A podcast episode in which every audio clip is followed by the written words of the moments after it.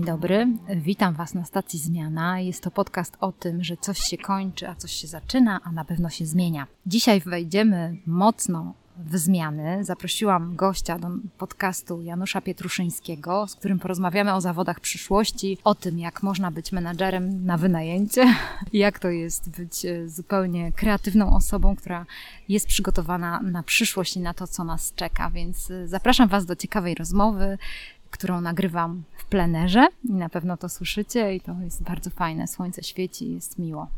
Zapraszam serdecznie.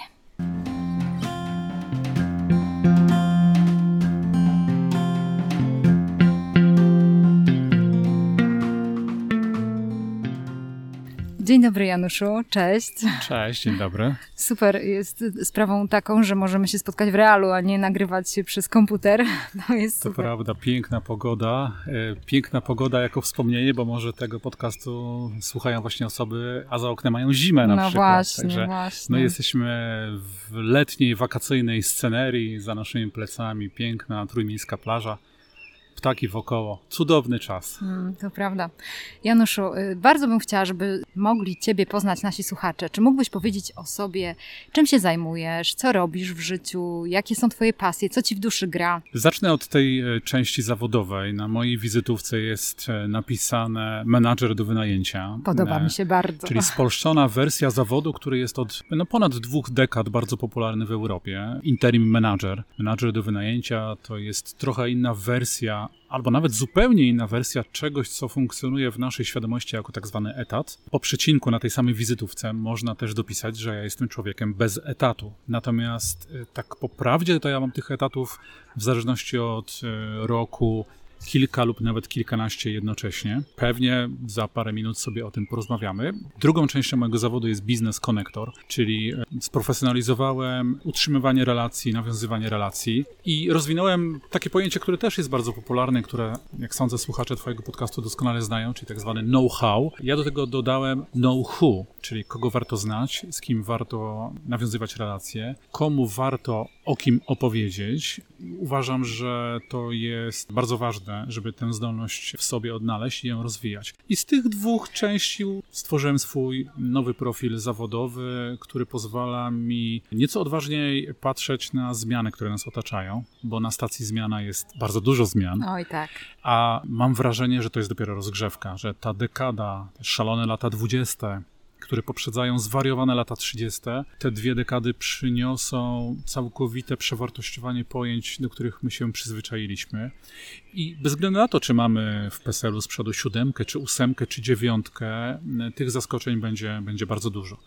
Natomiast w sferze prywatnej jestem entuzjastą życia. Korzystam z tego, co nam ten świat podarował, więc w tej rozmowie będą przybrzmiewały tony albo y, skrajnie optymistyczne, albo nawet nie, w sposób nieuzasadniony optymistyczne, ale taka jest moja perspektywa. Uważam, że to, co nam ten świat w tej chwili oferuje, to, co nam technologie zaoferowały, jest dla nas olbrzymią szansą. I podchodzę do tego optymistycznie, aczkolwiek umiem zrozumieć osoby, które podchodzą do tego sceptycznie, e, są tym zniechęcone lub przyglądają się temu z takim bardzo wyrafinowanym dystansem, że to w zasadzie ciekawe, ale na razie mnie to nie dotyczy. Jestem pewien, że te rzeczy, które się dzieją wokół nas, za moment dotyczyć będą wszystkich. Powiem Ci, Janusz, że to jest bardzo fajne, co mówisz, bo to oznacza, że masz otwarty umysł, że jesteś otwarty na to, na tą zmianę i też takie dostosowywanie się do zmiany. I powiem Ci, że nie każdy to po prostu ma, bo nawet sama miałam takie doświadczenia, że kiedy spotykam się z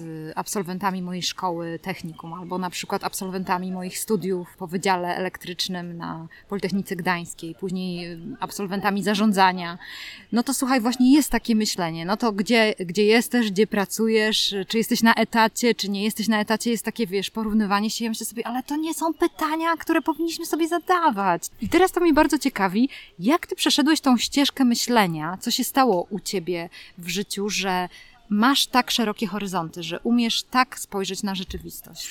Impulsem do nieco innego myślenia o swojej przyszłości zawodowej była jakaś publikacja. Ona musiała być ważna dla mnie, skoro tak często wracam do, do tego momentu, natomiast nie umiem sobie przypomnieć, kiedy to było. Clue tej informacji było następujące. W takim scenariuszu, który wydaje się oczywisty, że my sobie przechodzimy z jednego miejsca pracy do drugiego miejsca pracy, dostajemy kolejne stanowiska, pozyskujemy kolejne etaty i umiemy przekonać do siebie swoją wiedzą, doświadczeniem kolejnych pracodawców, kumulacją tego rozwoju jest wejście do jakiejś firmy i pozostanie w niej do końca swojego życia zawodowego mm -hmm. i tam to się pięknie spuentuje. Natomiast jak doskonale wiemy, pozyskiwanie miejsc pracy w poszczególnych dekadach nie było zawsze łatwe. Teraz mamy czas prosperity i dzieje się dobrze, ale mamy też za sobą takie dekady, w których pracą było średnio. I w tej publikacji przeczytałem, że to niekoniecznie musi być tak, że w pewnym momencie można świadomie zrezygnować z takiego rozwoju. Kolejna praca, kolejna praca, kolejna praca i wybrać model interima, czyli model, w którym uwierzymy w to, że mamy już na tyle atrakcyjne kompetencje, mamy dobre doświadczenie, że będziemy mogli zaoferować te rzeczy kilku lub nawet kilkunastu firmom jednocześnie. Z całym ryzykiem tego, że te firmy nie będą chciały nas zatrudnić na stałe. My będziemy mieli bardzo konkretne zadania do rozwiązania, po rozwiązaniu których ktoś nam podziękuje i nam zapłaci. I mm -hmm. nic mhm. więcej się nie wydarzy. Mm -hmm. Wtedy wydało mi się to zastanawiające. Nie umiałem sobie tego zwizualizować, ale bardzo szybko w przestrzeni internetowej, jakby w przestrzeni publicznej, zaczęto mówić, że to może być jeden ze scenariuszy pracy, że my tak. generalnie my możemy kiedyś wszyscy tak pracować, mhm. że będziemy wszyscy mieli jakieś kompetencje i będzie bardzo dużo różnych podmiotów, bo nie mówię tylko o firmach, mówię o, o różnych modelach wymiany pracy na pieniądze, choć nie tylko, i że to może tak ta praca będzie wyglądała kiedyś za 20-30 lat, że my będziemy wstawali i będziemy do 10 pracowali dla jednej firmy, od 10 do 12 dla drugiej.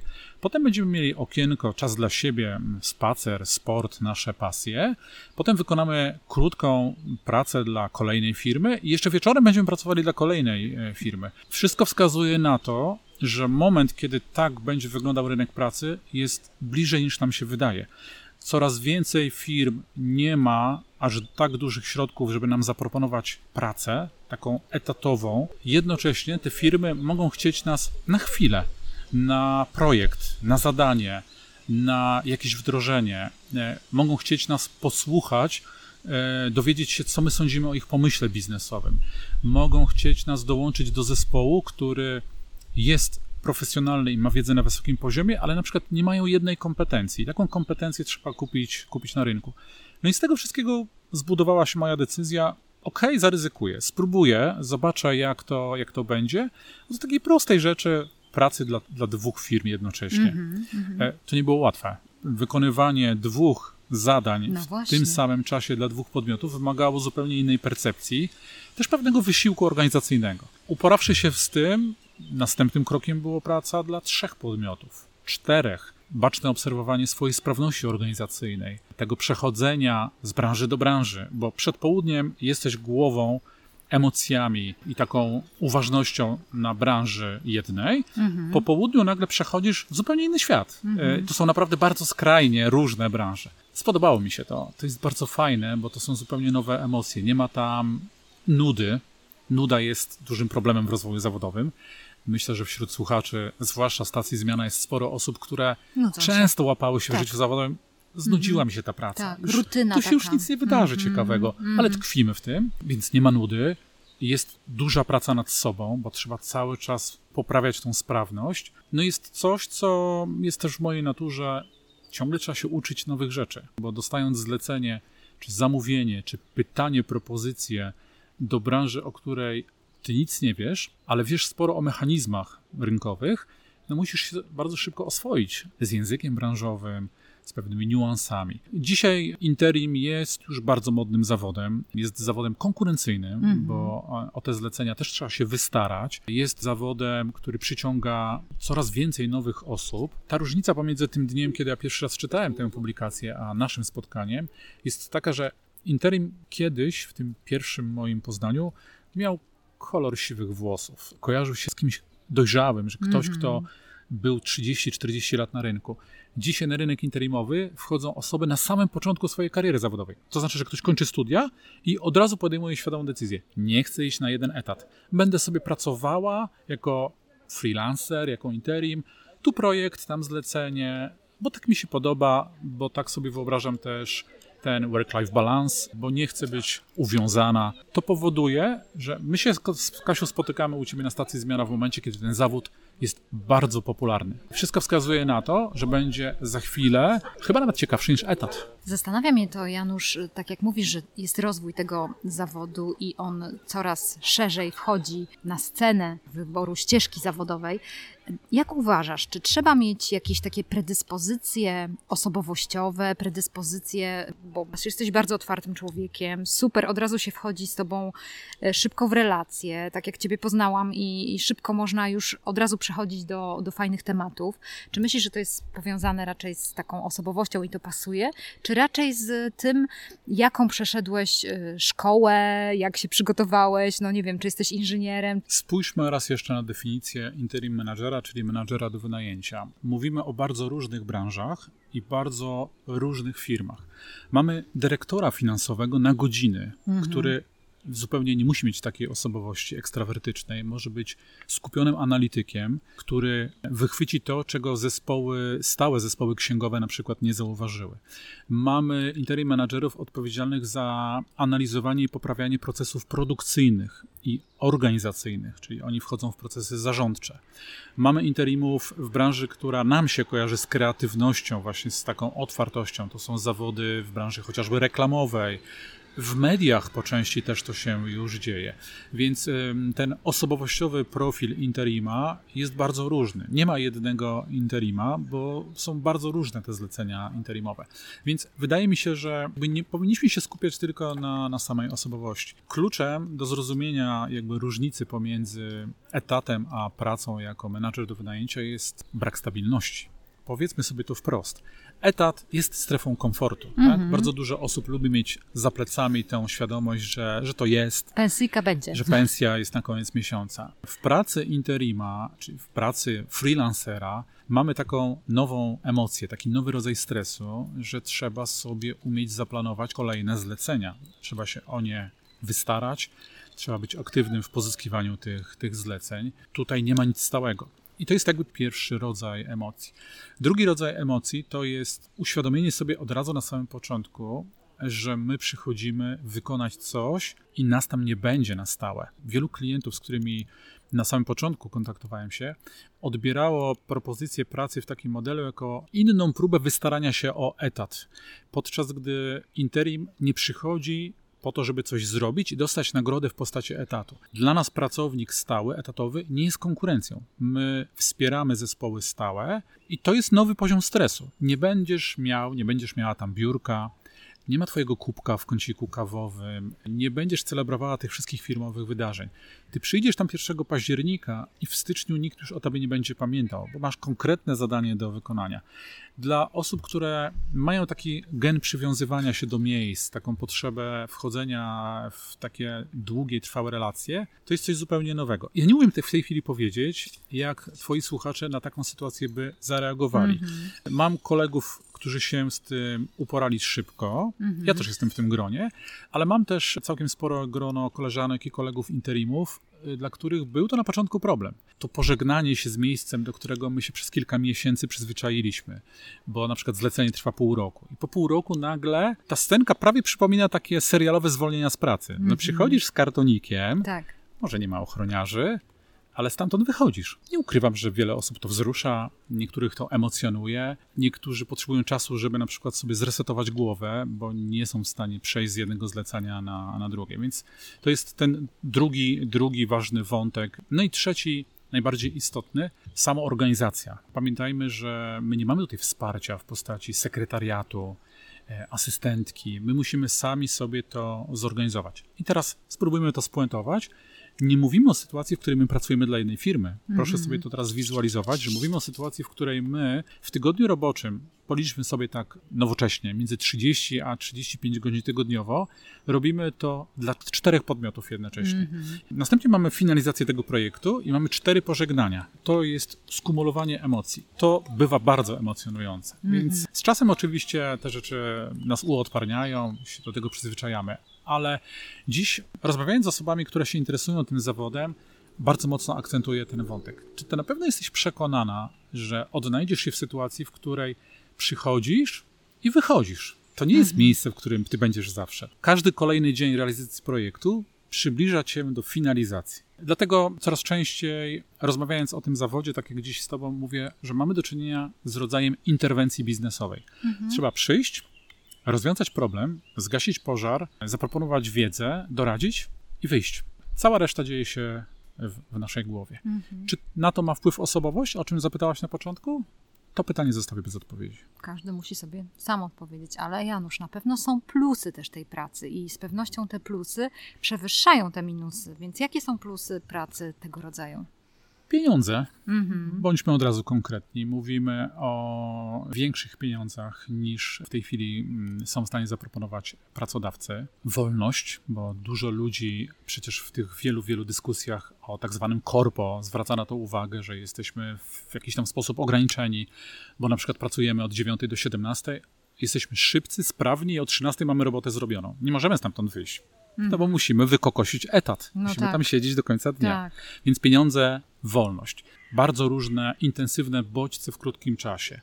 Mi to odpowiada, to jest część mojego DNA, mnie to nakręca, ja się dobrze z tym czuję, dlatego mówię, że to jest plus. Natomiast słyszałem też takie opinie, że jest to minus, bo przychodzi szybko zupełnie inny rodzaj zmęczenia. Ja uważam, że w etacie mamy rodzaj znużenia, a w pracy menadżera do wynajęcia mamy rodzaj takiego silnego zmęczenia. W jaki sposób można sobie gospodarować tym zmęczeniem? Dla mnie odpoczynkiem jest przejście z jednej branży do drugiej. Bo jeżeli mam rano zlecenie dla firmy produkcyjnej i jestem w świecie maszyn, logistyki, silnych procesów przemysłowych, a po południu pracuję na przykład dla branży beauty, która jest zupełnie inaczej, to tak naprawdę trochę się odpoczywa. Pieniądze, wolność, dużo bodźców w krótkim czasie, takich bardzo intensywnych. Cztery, tutaj jest trochę inaczej sklasyfikowana Twoja skuteczność. Bo bardzo często, żeby awansować w korporacji, trzeba wejść w jakąś grę biurową. Tak. Trzeba kogoś znać, trzeba wejść w jakąś strukturę, w jakieś układy. Tak. W przypadku interimów jesteśmy oceniani bardzo czystymi kryteriami. To jest bardzo często czas, czyli trzeba coś zrobić pod presją czasu. To jest często jakiś wynik finansowy, to jest jakieś usprawnienie. Czasami bardzo brutalne decyzje, bo interimowie też wykonują niewdzięczną pracę, czyli na przykład zwalniają, No tak. czasami też zatrudniają. Mhm. Natomiast ja nie mam wrażenia, patrząc na, na swoje portfolio i na realizację, że ja, żeby osiągnąć umówiony z klientem wynik, musiałem wejść w jakąś grę, musiałem, nie wiem, się do kogoś przymilać. A w korporacjach, w biurach, jak mijamy jadąc samochodem te szklane biurowce, no to przecież wiemy dobrze, że tam są trzy, cztery warstwy tego biurowego życia. Bo to trzeba dobrze żyć z kierowniczką, bo to szef ma swoich pupilków i oni dostaną premię, a ktoś nie dostanie. Bardzo dużo jest tej tak zwanej korporacyjnej krzywdy, a tego tutaj nie ma. Jest też tak po prostu komfortowo. Jest zupełnie inny rodzaj takiej przyjemności. No i fajny jest też szef, bo tego szefa codziennie rano widzisz w lustrze.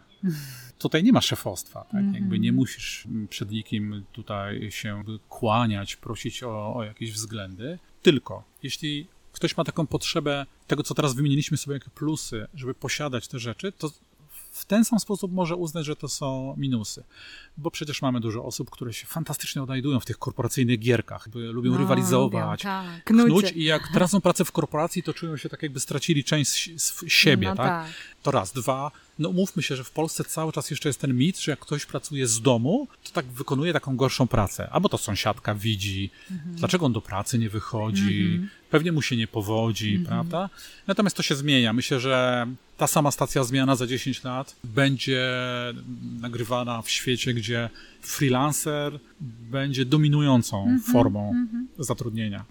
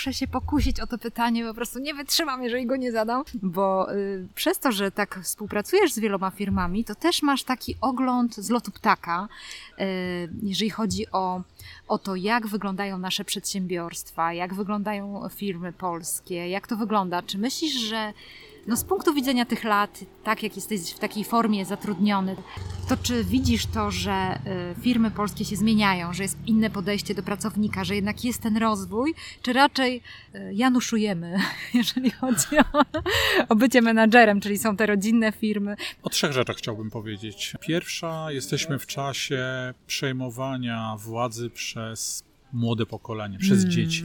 Sukcesja, e, podobnie jak jeden z moich ulubionych seriali, odbywa się w tej chwili w bardzo wielu rodzinnych firmach.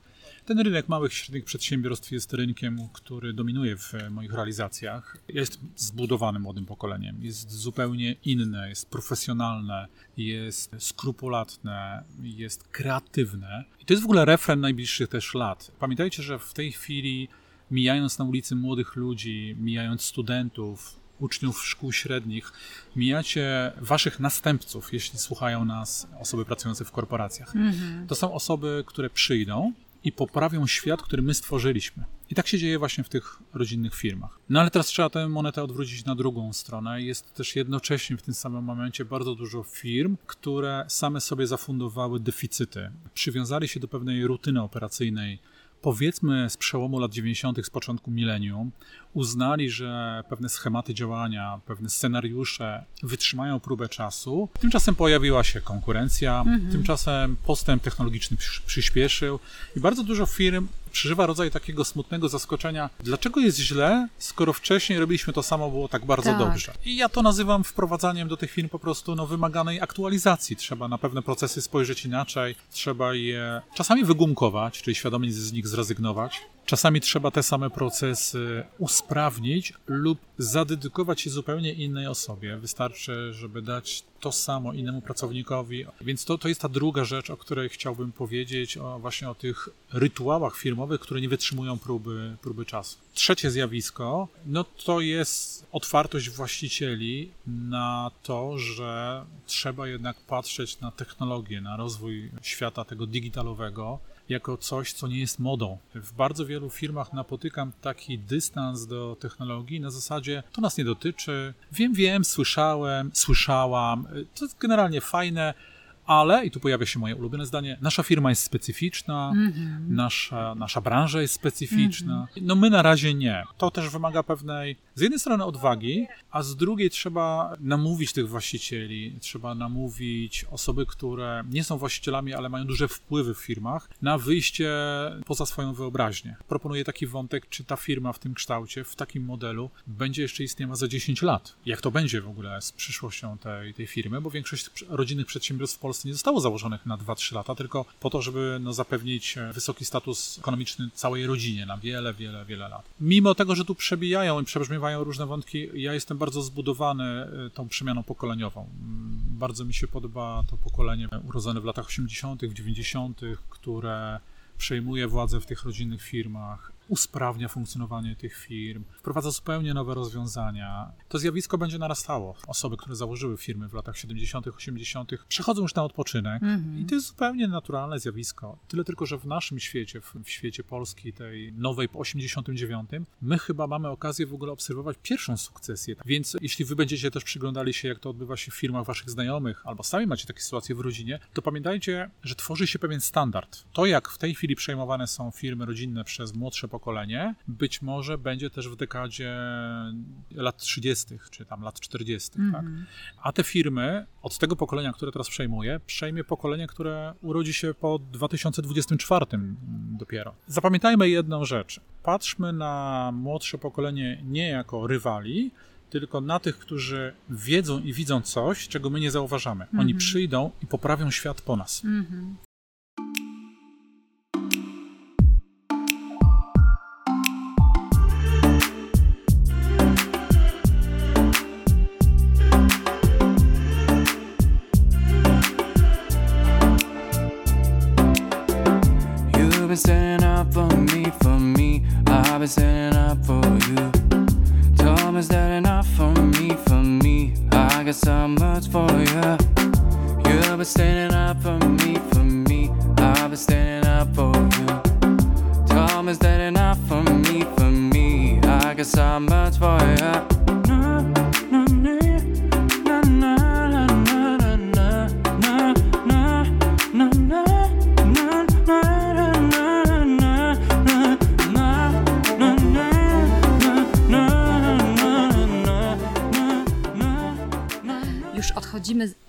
epoki ja panu daję pracę do tego, że jest pan zatrudniony, jesteśmy partnerami, co pan może wnieść do firmy, jak ja panu mogę pomóc w pana rozwoju, więc tutaj jest takie przejście do partnerskiego zarządzania. Chociaż wiem, że też są statystyki takie, że wiele firm nie ma komu oddać i to też jest ciekawe, nie? że są takie firmy, które po prostu jakby znikają z rynku z powodu tego, że nie ma następców. Nie? Że Powiem Ci, Kasiu, Mhm. komu oddają małe rodzinne firmy prowadzenie firmy, kiedy nie ma tych następców? Menadżerom do wynajęcia. No właśnie. Bo jest sporo takich zleceń, tylko wtedy trzeba robić to na wyłączność, czyli w tym samym czasie nie możesz prowadzić innych projektów, kiedy po prostu na którymś etapie podejmuje się decyzję, że skoro nie mamy następców, albo dzieci poszły inną drogą, Mhm. no bo nie każdy musi chcieć prowadzić firmę po mamie lub po tacie, sięga się po prostu po osobę z zewnątrz, wprowadzając albo partnera, albo dyrektora zarządzającego, albo kogoś, kto po prostu na koniec miesiąca przychodzi, rozlicza się z wyniku finansowego. Coraz więcej jest takich sytuacji na rynku Mhm. też. No właśnie, więc jeżeli ktoś jest na to gotowy, otwarty, żeby tak y, do tego podejść, to wtedy może ta firma przetrwać. Nie, nie znika nam jakiś produkt z rynku, który lubimy, na przykład jakieś wafelki ulubione albo jakieś lody, które do tej pory też lubiliśmy.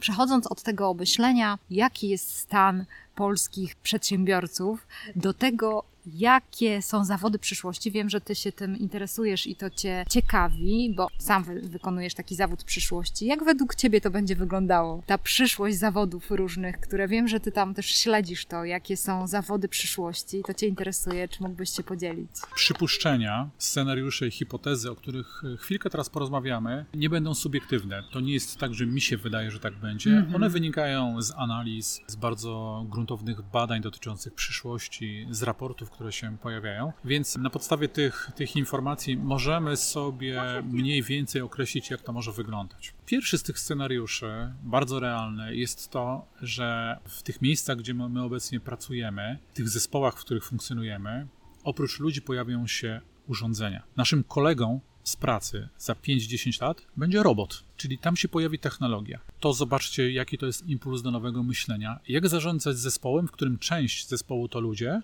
a część na przykład sztuczna inteligencja. Wyzwanie. Zupełnie coś, e, Mhm. coś nowego. I to jest ten pierwszy scenariusz. Drugi scenariusz to jest asynchroniczność pracy. Już teraz, w tym czasie postpandemicznym, pojawiają się takie ogłoszenia, w których tym handicapem, najbardziej sexy elementem tej oferty zatrudnienia jest to, że można sobie wybrać godziny pracy. No i teraz mamy obecnie firmy, które funkcjonują w pewnym takim rytuale. Pracujemy 8-16 lub 9-17. Tymczasem za dekadę możemy mieć firmę, w której część pracuje kawałek rano, a reszta wieczorem. Część będzie pracowała tylko od 18, a część jeszcze inaczej sobie to poszatkuje. Dużo się o tym teraz mówi, że te doświadczenia z pracy w czasie COVID-u, te doświadczenia bycia dostępnymi o różnych godzinach na tych zdalnych różnych technologiach, teraz trochę przewrócą do góry nogami ten rynek, rynek stacjonarny. Tutaj pojawia się też to pojęcie, które już jest bardzo popularne, tej pracy hybrydowej. To jest bardzo ciekawy scenariusz. W nim z kolei jest tak, że my będziemy na przykład mieli rotacyjne biurko. Ty, Kasiu, będziesz miała w jakiejś firmie biurko albo ja w poniedziałek i w środę. Mhm. A z tego samego biurka we wtorek i w czwartek skorzysta ktoś inny, a w piątek jeszcze ktoś inny. Tak. Część zadań wykonamy w biurze, część wykonamy w domu, część w kawiarni, więc to się nakłada na tą asynchroniczność, że będziemy pracowali z różnych miejsc w różnym, w różnym czasie i jeszcze na to wszystko nakładamy, nakładamy to, o czym wspomnieliśmy, czy pojawia się tam jakaś technologia. Czwarty scenariusz, wynikający ze zmian społecznych, geopolitycznych, to jest skrócenie tygodnia pracy. Już mamy kraje w Europie przecież, które pracują 35 godzin. My tego nie zauważamy, bo musielibyśmy chwilę wyjść obok naszego życia i spojrzeć na to z lotu drona. My jesteśmy coraz bardziej efektywni, jesteśmy coraz bardziej sprawni, pracujemy szybko, potrafimy naprawdę wykonać pewne rzeczy szybciej niż dekadę, dwie dekady temu. Zobaczcie, jaki postęp zrobiliśmy z takimi czystymi umiejętnościami IT. Przecież Kiedyś musieliśmy zadzwonić po kolegę informatyka, żeby nam coś poprawił w komputerze. Dzisiaj sami już to potrafimy. W związku z tym, my na zadania będziemy potrzebowali coraz mniej czasu. No i tutaj ten scenariusz, o którym już rozmawialiśmy na, na początku, czyli praca dla wielu podmiotów jednocześnie, właśnie jako taki trochę wolny strzelec, taki, taki freelancer. Kolejny scenariusz wiąże się z coraz wyższą etycznością naszego życia, ze zmianami, zmianami społecznymi, z kolejnym pokoleniem. My w naszym modelu wykonywania pracy, w modelu, w którym dominuje myślenie, ja wykonuję jakąś pracę i za to należą mi się pieniądze, będziemy też, myślę, że już w tej dekadzie, przed 2030, dzielili się pracą, nie biorąc za to pieniędzy. Będziemy coraz więcej rzeczy robili pro bono. Oddamy nasze kompetencje do takich banku umiejętności, że na przykład ktoś będzie mógł przyjść i będziemy mogli się wymienić. Ja dla ciebie, Kasiu, zrobię coś, a ty zrobisz dla mnie coś. My się tak trochę barterowo powymieniamy. To będzie, to będzie nowe zjawisko. To młode pokolenie, pokolenie alfa, czyli całe pokolenie urodzone po roku 2008, będzie trochę inaczej podchodziło do tego. Więc tutaj będziemy mieli wątek tej czystej ekonomii, że tam niekoniecznie będą, będą pieniądze. Pamiętajmy, że w tle naszej rozmowy jest dochód podstawowy, o którym coraz głośniej się mówi, tak? czyli coraz więcej osób będzie miało zagwarantowane przez państwo jakieś pieniądze bez konieczności chodzenia do pracy. Dalej, kolejny scenariusz. Ich, jest ich bardzo dużo, ja za chwilkę pewnie się zatrzymam. To jest praca wykonywana przez Silver Generation, czyli przez ludzi, którzy w takim, takiej umowie społecznej przeszli na emeryturę. Coraz więcej firm będzie chciało, żeby te osoby wróciły na rynek No pracy właśnie. na na dwie godziny w tygodniu, na cztery, na sześć, więc będziemy mieli zespoły też wielopokoleniowe, gdzie do pracy będą przychodziły osoby, które dziś nazywamy emerytami. Oni będą aktywni. My w ogóle będziemy zawodowo bardzo długo aktywni. No i z tego wszystkiego mm, może powstać wrażenie takiego totalnego, totalnego chaosu. Natomiast wiele rzeczy się porządkuje na naszych oczach, coraz więcej rzeczy zaczyna być pew- pewną nową normą społeczną. Jestem głęboko przekonany, że najważniejszym takim wnioskiem z tej części naszego spotkania jest to, że ta umowa społeczna na linii pracodawca-pracownik za chwilę się zdeaktualizuje. Napisze się nowa, ale dziś chyba nie jestem w stanie powiedzieć, jak ona będzie, jak ona będzie wyglądała. Pandemia przyspieszyła niektóre Właśnie. procesy, ale pamiętajcie, gdyby nie było pandemii, to też by się zdarzyło, więc nie wszystko możemy przypisać, albo to pandemia. Praca hybrydowa była już omawiana, rozważana przez wiele firm, zanim pojawiła się pandemia. Więc nie ściągajmy wszystkiego do refrenu pandemia, ograniczenia, izolacja, praca hybrydowa. Te procesy dotyczące zawodów przyszłości, modelu pracy, modelu umowy pomiędzy pracodawcą, choć bardziej już powinniśmy mówić zleceniodawcą, a tym, który wykonuje pewne zadania, w tej chwili się tworzy. To, co na koniec jest istotne, nie liczmy też na to, że ta umowa powstanie. Ona będzie cały czas się modyfikowała, czyli gdzieś w okolicach 26, 28, 30 na rynek wejdzie następne pokolenie. Czeka nas sporo zmian i musimy się do tego przyzwyczaić. Zmiana na rynku pracy będzie czymś, co stanie się normą. Prawda. A teraz, Janusz, jak mówisz o tych scenariuszach, to sobie myślałam o tym, że fajnie by było pomyśleć, jakie już umiejętności, jakie kompetencje zawodowe możemy rozwijać, patrząc na to, jakie scenariusze nam tutaj zarysowałeś. I jedną z rzeczy też sam powiedziałeś, na przykład ta umiejętność przeskakiwania z jednego projektu do drugiego. To też jest jakaś umiejętność, którą musiałeś albo w sobie rozwinąć, albo miałeś to już od urodzenia. No to jest zawsze pytanie. Ale też to nie o to chodzi, że, że ktoś musi mieć coś od urodzenia, po prostu uczymy się czegoś. Jak myślisz, patrząc na te scenariusze, które zarysowałeś, jakie kompetencje powinniśmy w sobie rozwijać? Istnieje taka klasyczna mapa tych kompetencji. To są te kompetencje dotyczące wiedzy technicznej, zwane czasem twarde kompetencje. Bardzo ważne są również kompetencje społeczne, umiejętność funkcjonowania w jakichś relacjach. Choć tutaj już się pojawia ta aktualizacja, bo trzeba będzie umieć nawiązywać relacje społeczne z maszyną albo ze sztuczną inteligencją. No i w końcu te kompetencje takie poznawcze, czyli jakby niewyłączanie edukacji. Kiedyś było tak, że było kilka zawodów, których trzeba było się uczyć do końca życia, dziś to dotyczy większości.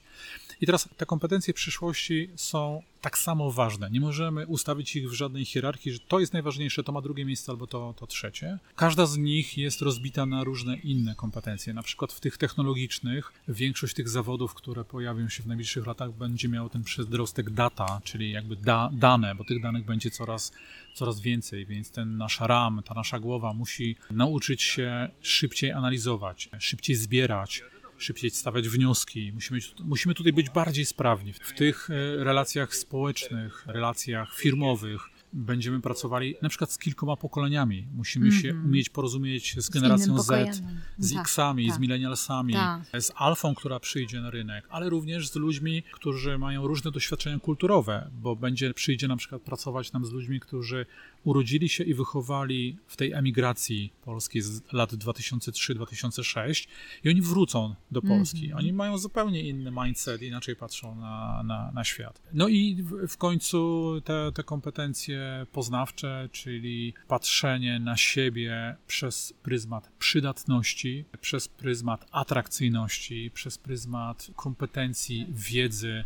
My cały czas musimy być dla pracodawcy lub dla zleceniodawcy atrakcyjni, bo z rynku nie będą nas wypierały tylko osoby młodsze. Kiedyś był taki stereotyp, a przyjdą młodsi, dla mnie nie będzie miejsca. Dzisiaj bardziej bronią nas unikalne kompetencje, bo na przykład ty, słuchając stacji Zmiana, możesz być w wieku dojrzałym, ale wiesz coś, czego młode zespoły na przykład nie wiedzą. I z tego wszystkiego powstaje jakiś taki nowy profil tego atrakcyjnego pracownika, atrakcyjnego zleceniobiorcy, atrakcyjnego freelancera czy, czy interima. Te kompetencje cały czas, cały czas są uzupełniane i to będzie zjawisko cały czas, cały czas obecne. Oczywiście teraz możemy przyjąć taką perspektywę sceptyczną, a co to w ogóle za rozmowa o jakichś kompetencjach przyszłości. Trzeba trzymać się tego, o czym zawsze mówiła nasza babcia i mama. Trzeba być punktualnym, solidnym. Okej, zgoda. To teraz to samo pytanie. Jeśli Twoją pracę pod koniec lat 20., na początku 30., będzie oceniał algorytm albo będzie oceniała sztuczna inteligencja, nas czeka również coś takiego na rynku pracy, że my już nie będziemy oceniani przez ludzi, tylko będą nas oceniały jakieś nowe technologie.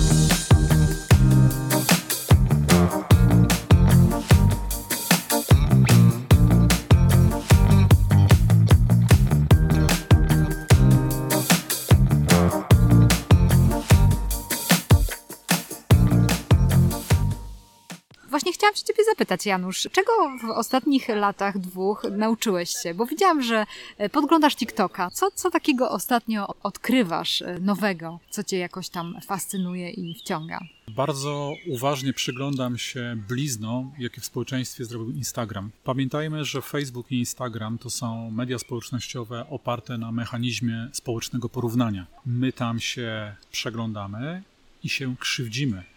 Mamy całe wielkie pokolenie, które wychodzi z dużymi problemami psychicznymi, jeżeli chodzi o media społecznościowe, bo cyfrowa zazdrość, bo nie mam tak doskonałego życia, bo nie wyglądam tak atrakcyjnie, to jest duży problem społeczny. W związku z tym ja jestem wyznawcą czegoś takiego, że przy oczywiście całej mojej akceptacji dla roli, jaką odgrywali, nadal odgrywają influencerzy i influencerki, musimy jednak też powiedzieć sobie, że to jest rzecz, która wiele osób skrzywdziła. Dlatego zainteresowałem się kilka lat temu nowym zjawiskiem osób, które tak mocno nie eksponują swojego ego i to są tak zwani kuratorzy treści. Ja mam na sztandarze hasło, że czas influencerów powoli będzie się kończył, a nadchodzą czasy tych, którzy będą mniej zwracali uwagę na to, czy tak ładnie wyglądają, czy mają selfie i w ogóle na której rajskiej plaży leżą, tylko będą próbowali dostarczać nam czegoś wartościowego, czegoś, co da nam jakiś namysł, czegoś, czego my nie zauważyliśmy.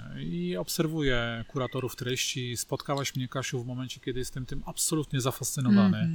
Właśnie tymi osobami, które selekcjonują różne informacje w internecie, wysyłają te informacje w postaci newsletterów, prowadzą też, e, też podcasty. Czy influencer to na pewno będzie ktoś, z kim my musimy przejść przez kolejne dekady, a może będziemy potrzebowali kogoś innego. Nie chcę powiedzieć gorszego, lepszego, tylko innego po prostu.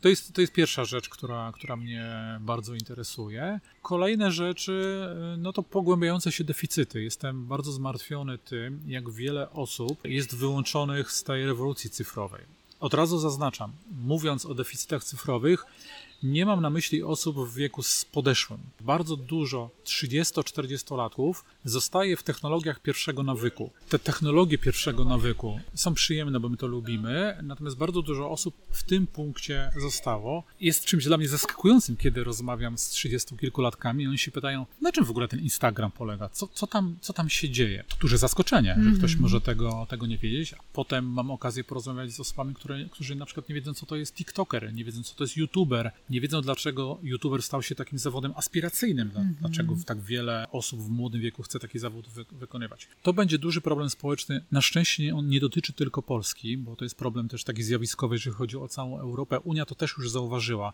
więc będzie coraz więcej pieniędzy na wyrównywanie tych dysproporcji, jeżeli chodzi o, o wiedzę. Deficyty cyfrowe przy jednoczesnym, bardzo szybkim przyspieszeniu procesów implementowania się do usług publicznych z poziomu aplikacji. No tutaj e, w moim telefonie jest M-Obywatel. Nie muszę mieć dowodu osobistego przy sobie na poczcie, nie muszę mieć prawa jazdy przy sobie. Do wielu urzędów my w tej dekadzie przestaniemy chodzić, bo jest profil zaufany.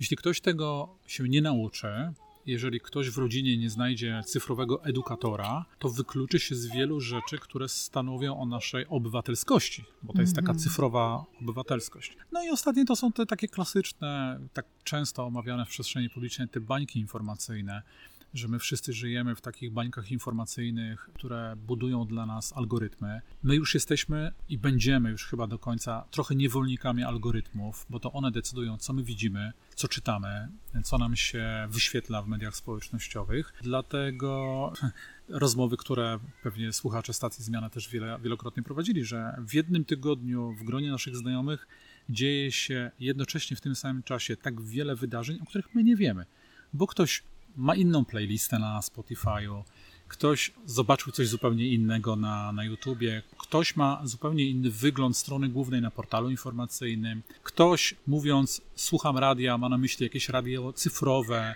ktoś z kolei słucha jeszcze tego radia 2.0 takiego w samochodzie. No i teraz te bańki informacyjne powodują, no, że my patrzymy coraz bardziej subiektywnie na świat. Na podstawie tych informacji budujemy sobie ogląd e, sytuacji. Dlatego, wracając do początku naszego spotkania, ja z optymizmem patrzę na to, że nasze życie towarzyskie polega na pokazywaniu sobie urządzeń. My się spotykamy w restauracji albo w kawiarni i pokazujemy sobie smartfony. Zobacz, widziałaś to? Ktoś mówi, nie, skąd ty masz taką informację? W kieszeni każdy ma mikroświat. My mamy zupełnie różne światy. I dlatego to życie towarzyskie się trochę, trochę zmienia. Pokazujemy sobie te bańki informacyjne, wpuszczamy do nich naszych znajomych, nasze rodziny.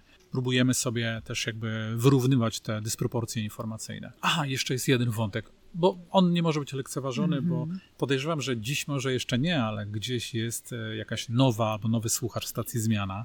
Dziś może być to osoba, która ma 12-14 lat i odkryje ten podcast za 5 czy, czy 6 lat. Uważam, że musimy też z uwagą podchodzić do tego, jak zachowuje się cyfrowo to najmłodsze pokolenie. Najmłodsze pokolenie używa technologii i używa mediów społecznościowych tak, jak cała populacja będzie robiła to za 10 lat. Oni są w tym pionierami. To oni są dzisiaj w wielu rodzinach najlepszymi edukatorami cyfrowymi. To nie jest już czas, w którym jak przyjeżdżała do domu antena satelitarna lub pierwszy odtwarzacz wideo, to tylko tata mógł to zamontować. Dziś autorytetem technologicznym guru cyfrowym w rodzinie jest właśnie dziesięciolatka lub ośmiolatek, bo on robi to szybciej, sprawniej. Tyle tylko, że to pokolenie wymaga też nowego zaopiekowania się. Uważam, że powinniśmy się szybko doczekać Rzecznika Praw Dziecka Cyfrowego. Powinna powstać taka instytucja. Powinniśmy wprowadzić systemowo higienistki cyfrowe. Skończmy już z tą farsą, że higienistka dzisiaj w szkole ma jakiekolwiek znaczenie. Rodzic dzisiaj e, dzięki wujkowi Google e, jest prawie lekarzem. My sobie szybko wyszukamy, co tam trzeba wziąć na przeziębienie. Natomiast e, higiena cyfrowa jest nową dziedziną i, To jest ważne. Mamy nowy rodzaj przemocy cyfrowej w szkołach. Dla dziewięciolatki zablokowanie na klasowej grupie na WhatsAppie jest naprawdę dużym problemem. To są e, rzeczy wymagające naszej troski. I my, jako dorośli, powinniśmy spojrzeć na rewolucję cyfrową jako na świat, który będzie już zawsze. Powinniśmy pomóc najmłodszemu pokoleniu zorganizować ten świat. Dużo zmian przed nami. Mhm, to prawda. Szalone lata dwudzieste zaczynają się, ale nadejdą jeszcze, tak jak mówisz, bardziej szalone lata trzydzieste, które będą miały jeszcze więcej wyzwań. Ponieważ y, może trochę wszedłeś w taki mentorski ton, ale to jest bardzo, bardzo dobre i, i wydaje mi się, że fajne, y, jeżeli chodzi o naszą rozmowę na stacji Zmiana. Też słucha nas młodzież i myślę sobie o tym, że taki młody człowiek, który przeszedł tą naszą pruską szkołę. Szkoła to zło, tak, w takim wydaniu pruskim i później będzie wybierał jak, jakieś studia. Jakbyś się z nim spotkał, co ty byś mu powiedział? Jak on by miał patrzeć na, na, na swoją przyszłość zawodową, na to, co go czeka? 35, może więcej stacji zmiana w życiu zawodowym. Porzucenie wiary w to, że praca pierwsza, którą dostaniesz lub którą sobie zorganizujesz, będzie taką pracą jak rodzice lub dziadkowie. Nie będzie już takich sytuacji. Wchodzenie w bardzo różne środowiska, w bardzo różne branże. Trzeba się do tego przyzwyczaić już, już na samym początku. To, to nie jest łatwe ale to pokolenie ma trochę inną wrażliwość i w tym sensie, o którym teraz rozmawiamy, o tym, że ta zmiana będzie czymś stałym. Pokolenie, które na przykład nie spędziło całej edukacji w jednej szkole. Zobaczmy, jak dużo osób ma za sobą trzy, cztery szkoły średnie, było przenoszone w związku z tym, że rodzice byli mobilni, przeprowadzki z miasta do miasta, przeprowadzki z kraju do kraju, może się okazać właśnie tym handicapem, że to będzie taka przewaga.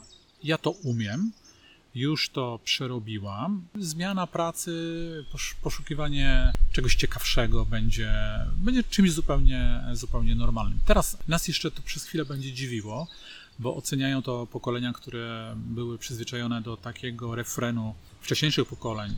Masz już tą pracę, to ją szanuj, wszędzie dobrze, gdzie nas nie ma i ten mit, że trzeba 45 lat pracować w jednym miejscu. Pierwsza rzecz, którą myślę, że powiedziałbym właśnie młodym osobom, przed tobą bardzo dużo scenariuszy zawodowych, dużo miejsc, w których będziesz funkcjonował, dużo bardzo różnych wyzwań zawodowych. To oznacza również, to ta druga część, że będziesz miał bardzo intensywne relacje w życiu zawodowym. Dlatego trochę konserwatywnie, a trochę nowocześnie od jakości tych relacji, od umiejętności ich utrzymywania, od tego networkingu, jak to mówią Amerykanie, sporo będzie zależało. Ja nie wiem, czy jeszcze będą funkcjonowały ogłoszenia o pracę. Może najlepszym e, źródłem o tym, kogo zatrudnić lub komu teraz powierzyć to zadanie, będzie właśnie opinia na przykład osoby, z którą pracowaliśmy. My jesteśmy takimi małymi punkcikami. Najlepiej mieć tych punktów bardzo dużo, rozwijać sobie tą, tą sieć tych kontaktów, po to, żeby w sytuacji, kiedy nasze życie zawodowe znajdzie się na jakimś zakręcie, albo przyjdziemy któregoś razu mm, do naszej pracy i stwierdzimy, hmm, to jednak nie to, żeby mieć na przykład tych 10-15 osób, do których możemy zadzwonić, o tym opowiedzieć, żeby sprawdzić, czy na rynku nie dzieje się coś, coś ciekawszego. Czy to są trudne czasy dla introwertyków, chciałoby się powiedzieć? Trochę tak, trochę tak. I w tych kompetencjach przyszłości przed introwertykami, przed osobami, które są wycofane, w ogóle nie odnajdują się w tego typu działaniach, jest trudny czas oswajania się, że tak trzeba. Tak?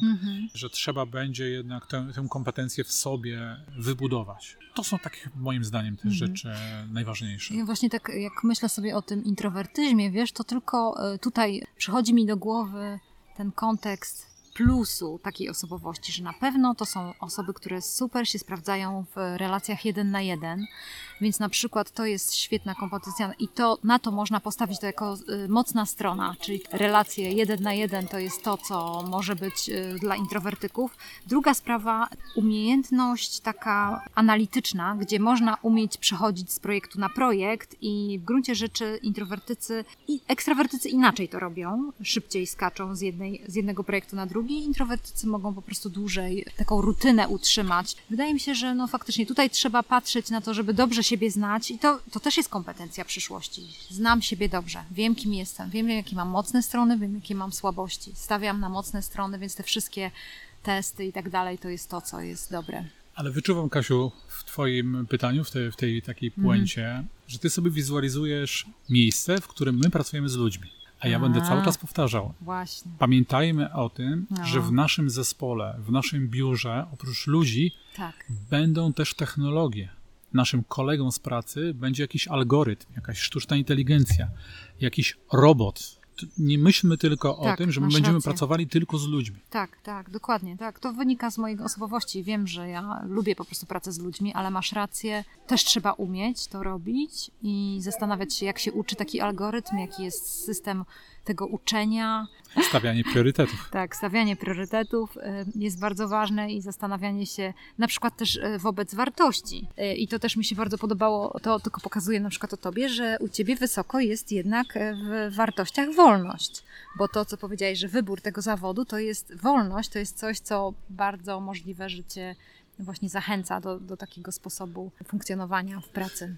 Chyba dużo jest takich osób. Jestem pewien, że słucha nas też wiele osób, które albo sami sobie taki scenariusz zafundowali, albo znają osoby, które przeszły przez ten scenariusz. No bo co jest motywacją odejścia z korporacji, skoro tam jest wysoka pensja, jest samochód służbowy, jest dobre biuro i owocowe czwartki, ale imprezy firmowe i szkolenia i może nawet studia nam ta korporacja ufundowała. No tyle tylko, że nam zabrała wolność ta korporacja, tak? Bo my mamy identyfikator, kartę i wchodzimy sobie do Dziecko tego. w przedszkolu Tak, korporacji. tak. I jak się słucha rozmów, czy słucha się innych podcastów, czy czyta się wywiady z osobami, które odeszły z korporacji, to przecież jak szybko przebrzmiewa ten taki najsilniejszy sygnał. Odzyskałam wolność. Mm. Mogę w końcu zrobić to po swojemu. Tak. Dla mnie to jest bardzo ważne. Już lądując z naszą rozmową, jestem Ci bardzo wdzięczna, że się zgodziłeś, żeby porozmawiać na stacji Zmiana, bo te zmiany no, po prostu już nadchodzą i jesteś przykładem osoby, która dobrze funkcjonuje w zmianie i radzisz sobie. Jestem pełna podziwu i chcę się uczyć od Ciebie, ale y, fajnie by było, żebyś powiedział, gdzie można Cię znaleźć, gdzie można Cię posłuchać, bo jak mówisz, czas influencerów i blogerów przeminął, więc podejrzewam, że bloga nie piszesz, ale na pewno gdzieś jakieś swoje myśli przekazujesz, więc fajnie by było, żeby jak można Cię followować gdzieś. E, Wokół nas jest przepiękna wiosna 2021, czas, e, w którym w Polsce pojawiła się moda na aplikacje głosowe, czyli na social audio media. Tam mieliśmy okazję też z Kasią się poznać. Em, Clubhouse, Spotify, Green Room. Za moment taką samą aplikację uruchomi Facebook, Twitter już e, to uruchomił. To są aplikacje, w które trochę przypominają taki podcast jak Stacja Zmiana, z tą różnicą, że my sobie teraz we dwoje rozmawiamy, a słuchacz nie może do nas dołączyć. Szkoda. Więc w tych aplikacjach głosowych jest e, tak, że rozmawiamy na żywo tu i teraz z osobami, które są też w tej aplikacji. Jestem tam bardzo aktywny. Nie ukrywam, że bardzo mnie te aplikacje zainteresowały. Uważam, że to jest fragment dużej rewolucji i mam nadzieję, że one wytrzymają próbę, próbę czasu. Jestem aktywny na LinkedInie, jestem aktywny na, na Facebooku jako przedstawiciel pokolenia X. e, Nawykowo to jest medium, w którym spotykam rówieśników ale jestem też na TikToku, jestem też na, na Instagramie. Tyle tylko, że ja nie jestem tam użytkownikiem, a bardziej obserwatorem. Mnie interesują pewne mechanizmy, które odbywają się w tych aplikacjach. Interesuje mnie w ogóle najbardziej socjologia internetu i ta socjologia mediów społecznościowych. Dlaczego tak się zachowujemy i co, co, na, nas, e, co na nas wpływa. Co jest moją rutyną, bo wspomniałem o tym, że każda firma ma rutynę, ja również mam swoją rutynę. Jestem y, wiernym czytelnikiem znowu następnego, nowego miejsca odkrytego w 2021 roku. To jest medium, które nazywa się Substack. To jest agregator newsletterów tematycznych, w których możecie znaleźć fascynujących kuratorów treści i kuratorki treści. Czyli jeżeli teraz na przykład wśród naszych słuchaczy,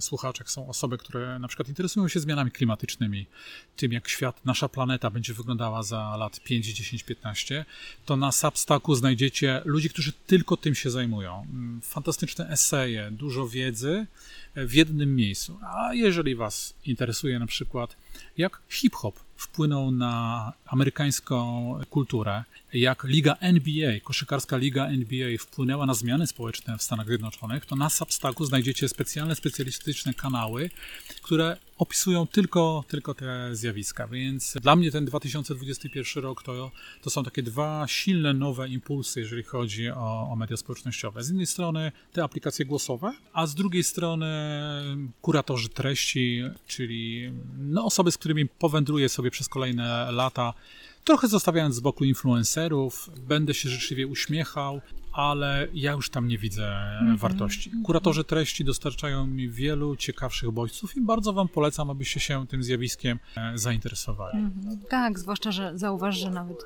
no, nagrywamy ten podcast w Gdańsku, już e, blog forum e, dawno zostało zamknięte, więc to też pokazuje coś, że gdzieś tam wyczuwano jak, jakieś trendy.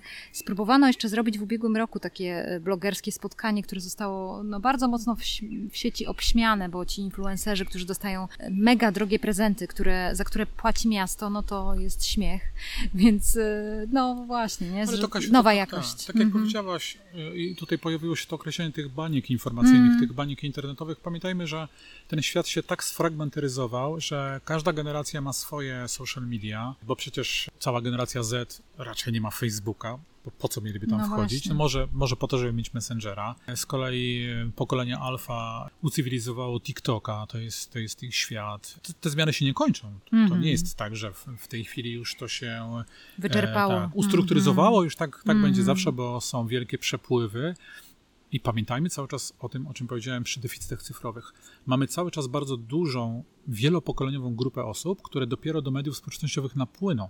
Tak, te osoby na przykład, które dziś mają więcej niż 60 lat, jeśli, raz jeszcze powtarzam, w końcu w rodzinie znajdzie się jakiś cyfrowy edukator, który nauczy dziadka albo babcię, że to jest Instagram, to jest Facebook, no to te osoby uzupełnią populację w mediach społecznościowych. No i to jest ciekawe, to jest bardzo, bardzo ciekawe. Mhm. Janusz, bardzo Ci dziękuję za rozmowę. Jeżeli słucha nas jakiś przedsiębiorca, który zastanawia się nad zmianami i chciałby za, zasięgnąć mądrego języka, to z całego serca polecam Janusza, bo naprawdę masz tak otwartą, otwarty umysł, jesteś serdeczną, sympatyczną osobą, więc naprawdę bardzo miło mi Ciebie poznać. Kasiu, dziękuję Tobie bardzo. Do tego samego przedsiębiorcy, do którego się zwróciłaś, w momencie, kiedy tego będziecie słuchali, nie wiem, czy jeszcze będę tym się zajmował, bo ja też jestem fanem stacji Zmiana. A, widzisz, no właśnie, tak to jest. Więc szukajcie nas gdzieś w odmętach internetu, na pewno znajdziecie. Dziękuję bardzo, Kasiu. Dzięki, Janusz.